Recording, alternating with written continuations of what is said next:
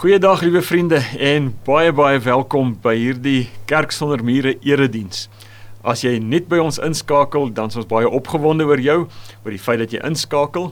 Gaan besoek gerigs ons webtuiste om meer inligting te kry oor wie ons is, wat ons doen, hoekom ons dit doen en hoe jy deel kan word van ons Kerk sonder mure familie, hierdie geloofsfamilie van die Here.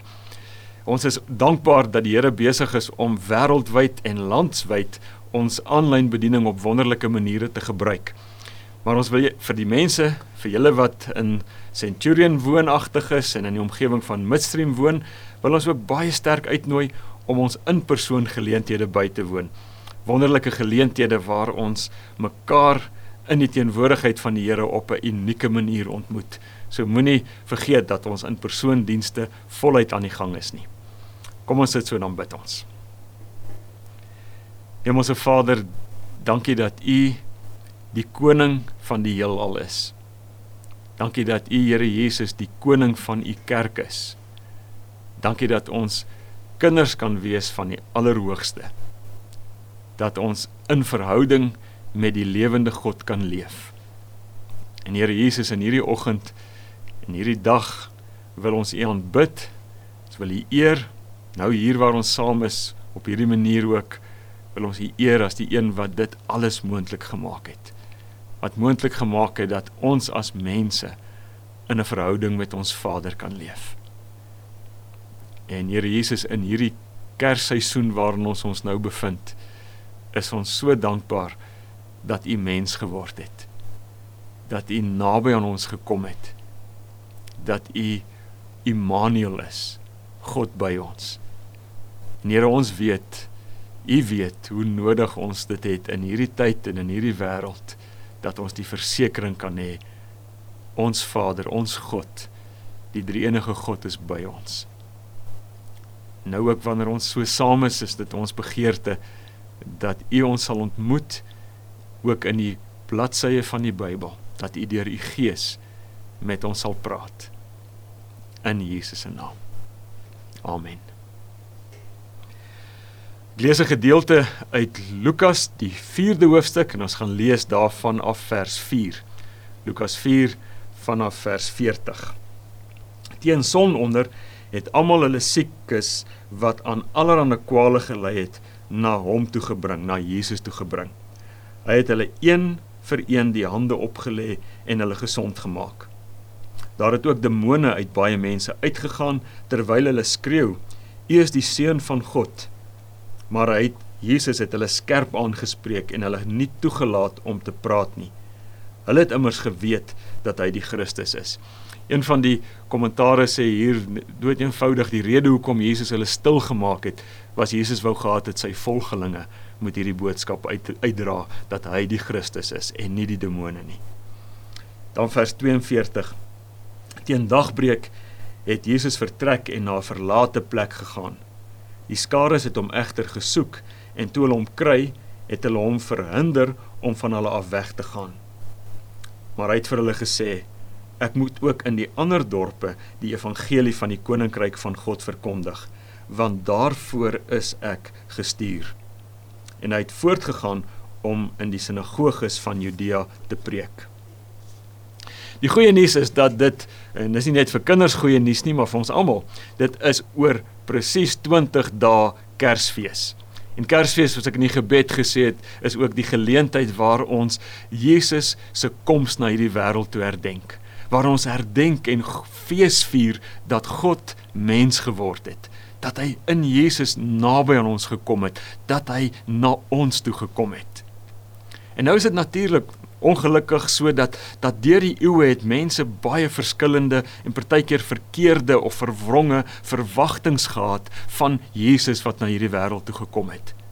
In hierdie gedeelte waarna ons gelees het, sien ons dat hierdie mense 'n baie spesifieke verwagting van Jesus gehad het. En dis nie dis nie vreemd dat hulle die verwagting gehad het nie, want Jesus het daar onder hulle klomp mense gesond gemaak. Hy het hier staan in hierdie gedeelte, hy het hulle een vir een die hande opgelê en dan het hulle gesond geword. So dis te verstaane dat hulle verwagtinge van Jesus was dat hulle dat hy hulle sou gesond maak. Maar nou sien ons dat dat Jesus dit doen. Hy hy hy gaan en hy lê hulle hande op een vir een, hulle word gesond. By party gaan daar demone uit en dan gaan Jesus weg. Hy hy onttrek hom om eenkant in stilte afgesonder tyd met sy Vader te spandeer. Hy gaan eenkant toe om te luister na die stem van sy Vader. En dan terwyl Jesus daar weg is, dan begin hierdie dorpsmense om te soek. Hulle soek hom oral en hulle hou aansoek totdat hulle hom kry. En wanneer hulle hom kry, dan staan daar dan wil hulle hom verhinder om weg te gaan. Een van die ander vertalings het gesê hulle dring dan daarop aan dat Jesus by hulle bly. En die vraag is hoekom? Hoekom dring hulle by Jesus daarop aan om daar by hulle te bly? Is eintlik baie eenvoudige antwoord. En dit is nie almal in daardie dorpie is al gesond nie. Nie almal is al deur Jesus gesond gemaak nie en hulle het geweet die moontlikheid bestaan dat in die toekoms een van hulle of almal of baie van hulle weer 'n keer kan siek word. En daarom sê hulle vir Jesus, bly hier by ons en dan as en, maak almal van ons gesond en as van ons weer siek word, maak ons dan weer gesond. So wat hulle eintlik van Jesus verwag is 'n 'n 'n dokter of 'n geneesheer oproep. 'n Dokter wat 'n geneesheer wat daar in hulle omgewing is wat dadelik verniet hulle kan gesond maak. En dan doen Jesus hier 'n ding wat wat vir party mense baie skokkend kan wees. Hy hy hulle kom na hom toe siek mense, mense met siekes, mense wat wat mense het wat demoonbesete is, kom na Jesus toe en sê bly by ons en maak ons gesond. En dan die skokkende ding vir party mense is, waarskynlik vir hulle was dit verseker so, is dat Jesus dan nee sê. Nee, ek gaan nie by julle bly nie. Nee, ek gaan julle nie almal gesond maak nie. Of om dit anders te sê, Jesus draai in hierdie gedeelte sy rug op siek mense, op stikkende mense, op swaar kry mense en hy stap weg. Hy hy los hulle net so, hy sê nee. En toe ek hierdie gedeelte lees, toe toe toe kom die vraag by my op, hoekom doen Jesus dit? Hoekom stap Jesus weg van die mense vir wie hy vir wie hy gekom het? swaar kry, seer, siek mense. Of of om die vraag nog anders te vra, hoe op aarde kry Jesus dit reg om weg te stap, om nee te sê en weg te stap van hierdie mense af? Die antwoord daarop is 'n is 'n tweeledige antwoord. Wat is 'n antwoord en is 'n tweeledige antwoord? Die eerste gedeelte van hierdie antwoord kry ons in vers 43. Dan vers 43 staan hierdie woorde. Jesus het gesê vir hulle: gaan nie by julle bly nie want ek moet ook in die ander dorpe die evangelie van die koninkryk verkondig want daarvoor is ek gestuur so op 'n heel oppervlakkige vlak net ek gaan ek kan nie by julle bly nie want hierdie boodskap van die koninkryk die goeie nuus van die koninkryk moet ek ook in al die ander dorpe gaan verkondig maar die sleutelwoorde hier is die woorde die koninkryk of die goeie nuus van die koninkryk van God of om dit anders te sê die goeie nuus van die van van God se heerskappy wat aangebreek het. En dit weet ons in in die evangelies met Jesus se koms na hierdie wêreld toe breek God se heerskappy aan. 'n Ander manier om dit te sê is in Jesus breek die kom die nuwe wêreld en word God se nuwe wêreld sigbaar. Die wêreld waar God heers en waar dinge is soos wat God wil hê dit moet wees. So wat Jesus hier kom sê is my heerskappy gaan nie net oor siektes nie. My heerskappy gaan nie net daaroor dat ek mense gesond maak nie, maar ek het gekom om God se koningskap en God se heerskappy te laat aanbreek oor elke duimbreedte van die aarde en op elke en in elke aspek van mense se lewens. Ek het ek het God se nuwe wêreld ingedra in hierdie stikkende wêreld. Ek en daarom ek is nie net hier om gesond te maak nie. Ek is hier om God se koningskap te laat aanbreek in elke deel van die wêreld en in elke deel van mense se lewens. Die tweede deel van die antwoord is eintlik ook baie duidelik hoekom Jesus dit regkry om nee te sê vir mense. Ons lees hiervan van as as jy mens nou so deur die Lukas Evangelie beweeg, dan sien jy daar so 'n refrein wat loop en ek gaan 'n paar teksgedeeltes lees om dit net vir jou te probeer wys en kyk bietjie of jy die sleutelwoord raak hoor soos wat ek hierdie tekste lees. Hoofstuk 9 vers 51.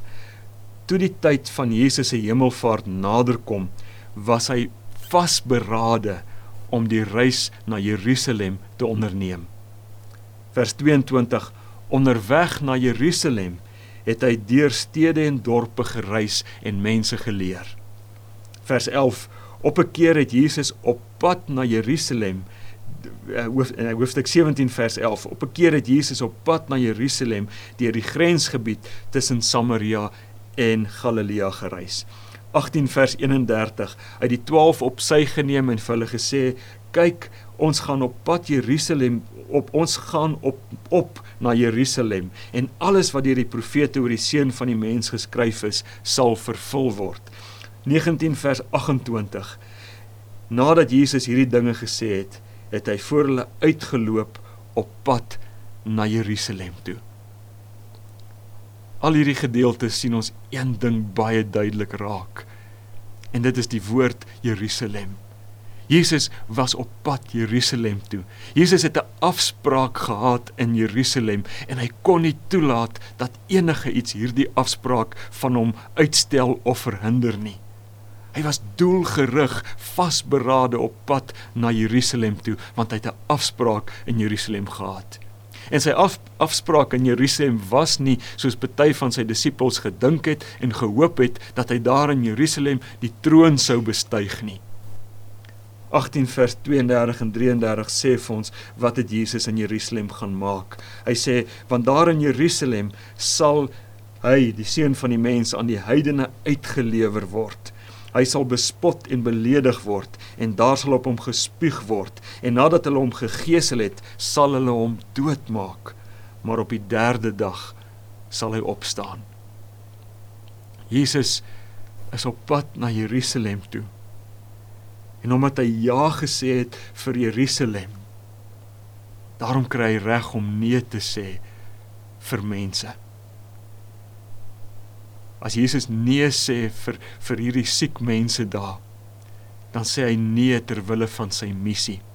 Sien hy was nie op sy eie missie nie hy was deur hy is deur God gestuur. So alles wat Jesus doen of nie doen nie het hy beoordeel aan die hand van Jerusalem aan die hand van sy roeping, sy missie, sy taak wat hy in Jerusalem moes gaan uitvoer, waar hy moes gaan sterf het ter wille van die heerskappy van God wat moes aanbreek. Die vraag wat Jesus gevra het en waarmee hy gewerk het was wat as ek hierdie ding doen verhinder dit my op die pad na Jerusalem of bevorder dit my reis na Jerusalem toe.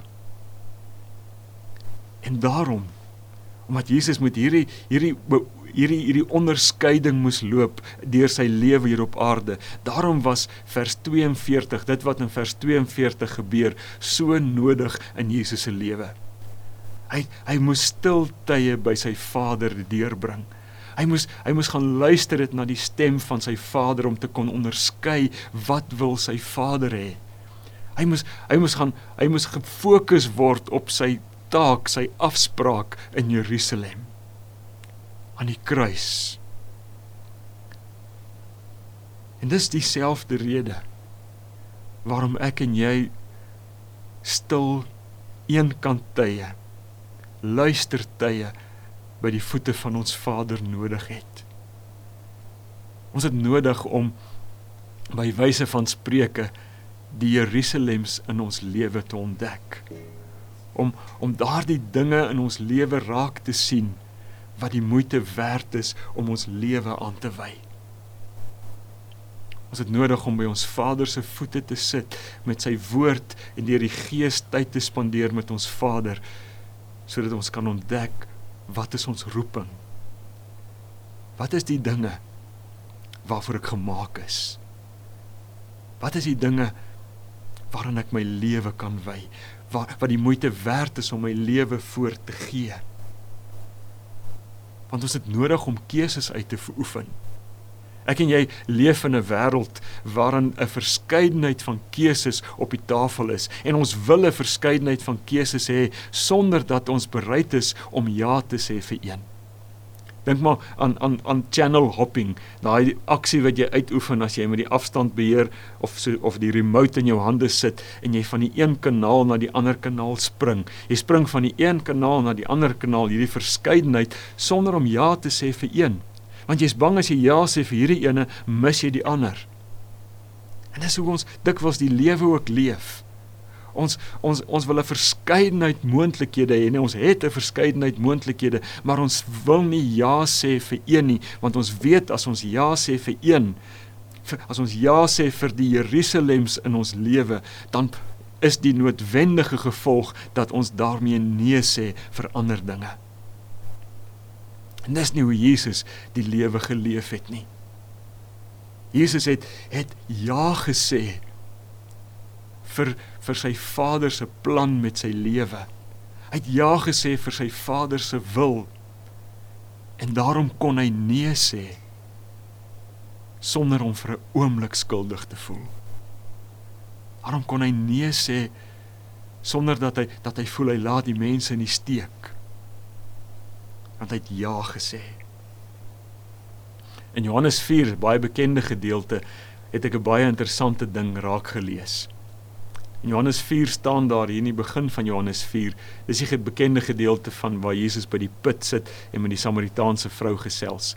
Maar ons lees in daai gedeelte Jesus en sy disippels was op reis en toe hulle daar by daai put kom, staan daar Jesus was so moeg geweest dat hy sommer net daar gaan sit het. En terwyl Jesus daar gaan sit het, is sy disippels alleen na die dorp toe om te gaan kos koop. En mens kan nou 'n klomp dinge daar sê, maar een ding wat ek daar raak sien, is dat Jesus nie bang is om swak en moeg voor te kom nie. Hy hy sê vir sy disippels, julle moet maar alleen dorp toe gaan. Met ander woorde, ouens, ek is nie nou beskikbaar vir hierdie inkoopie reis van julle nie. Ek is moeg. Ek gaan net hier bly sit. Dis so anders as wat ons dikwels is. Want ek en jy wil mos altyd en oral vir almal beskikbaar wees. En en tegnologie help ons ook nogal hiermee dat ons altyd oral beskikbaar kan wees. Ek het so 'n paar weke gelede het ek in die Karoo gaan fietsry. En ek onthou as ek as ek by 'n plek kom waar daar selfoonopvangs is, daar in die Karoo, dan het ek vinnig op my foon gekyk of daar nie dalk iemand was wat my gekontak het nie, iemand wat wat my gesoek het, iemand wat my nodig gehad het nie. Jesus was nie. Ek hoop nie ek skok jou vandag nie, maar Jesus was nie altyd beskikbaar nie. En Jesus het nie altyd alles vir almal gedoen nie. Hy het baie keer nee gesê. Hy was nie altyd beskikbaar nie. En hy en hy het nee gesê sonder dat hy dat hy ooit skuldig gevoel het daaroor. Hy was nie bekommerd wat mense oor hom sou sê en wat mense oor hom sou dink nie en tog het hy so diep omgegee vir mense. Tog het sy hart, hoe lees ons dikwels in die evangelies, gebreek oor mense. Hy het nee hy het nie skuldig gevoel as hy nee sê nie, want hy weet hy sê nee want hy het ja gesê. Hy het ja gesê vir Jerusalem. Hy het ja gesê om sy lewe aan die kruis af te lê sodat God se heerskappy in hierdie wêreld gevestig kan word en dit sodat God se heerskappy gevestig kan word in mense se lewens. Sodat mense heel kan word, sodat mense die mense kan word wat God bedoel het hulle moet wees. Heel gesonde mense wat onder die koningskap van Jesus die koning van die heelal lewe. Wil vandag vir jou 'n belangrike vraag vra, 'n paar vrae vra.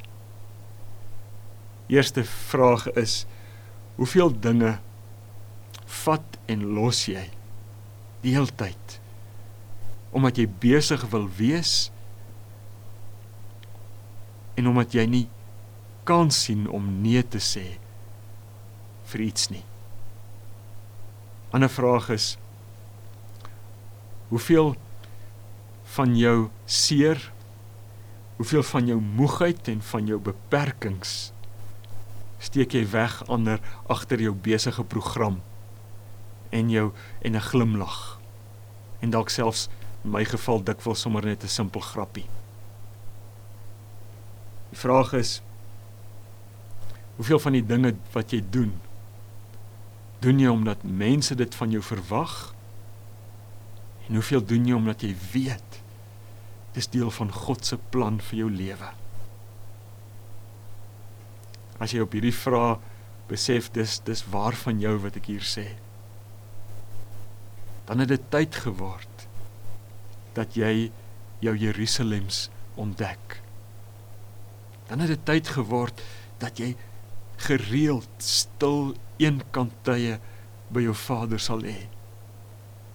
Maar jy luister na sy stem sodat jy kan ontdek wat is jou Jerusalems sodat jy jou beperkings, die feit dat jy nie altyd oral kan wees nie, dat jy dit kan kan omhels. Jy kan dit net doen as jy by jou Vader sit en sy plan en sy wil vir jou lewe duideliker en duideliker ontdek. Stiltye by jou Vader sodat jy kan nee sê sonder om vir 'n oomblik skuldig te voel. Ek wil vandag vir jou sewe woorde leer. En dit is sewe baie eenvoudige woorde. En dan wil ek vir jou nege woorde leer. En is net so eenvoudig. Die sewe woorde is ek hoef nie alles te doen nie. Ek hoef nie alles te doen nie. En die nege woorde is ek kan nie die heeltyd alles vir almal wees nie. En die enigste manier om hoe om jy, hoe om hierdie twee sinne dit waarvoor dit staan onder die knie te kry is wanneer jy by die voete van jou Vader jou Jerusalems ontdek. Ontdek wat is daardie dinge in jou lewe wat die moeite werd is om jou lewe voor te gee. Daardie dinge waarvoor jy gemaak is. Daardie dinge waarvoor jy geroep is. En as ons na Jesus luister, dan weet ons dis die koninkryk. Soek allereers en beywer julle vir die koninkryk, vir die heerskappy van God in jou eie lewe en die lewe van die mense rondom jou en in hierdie wêreld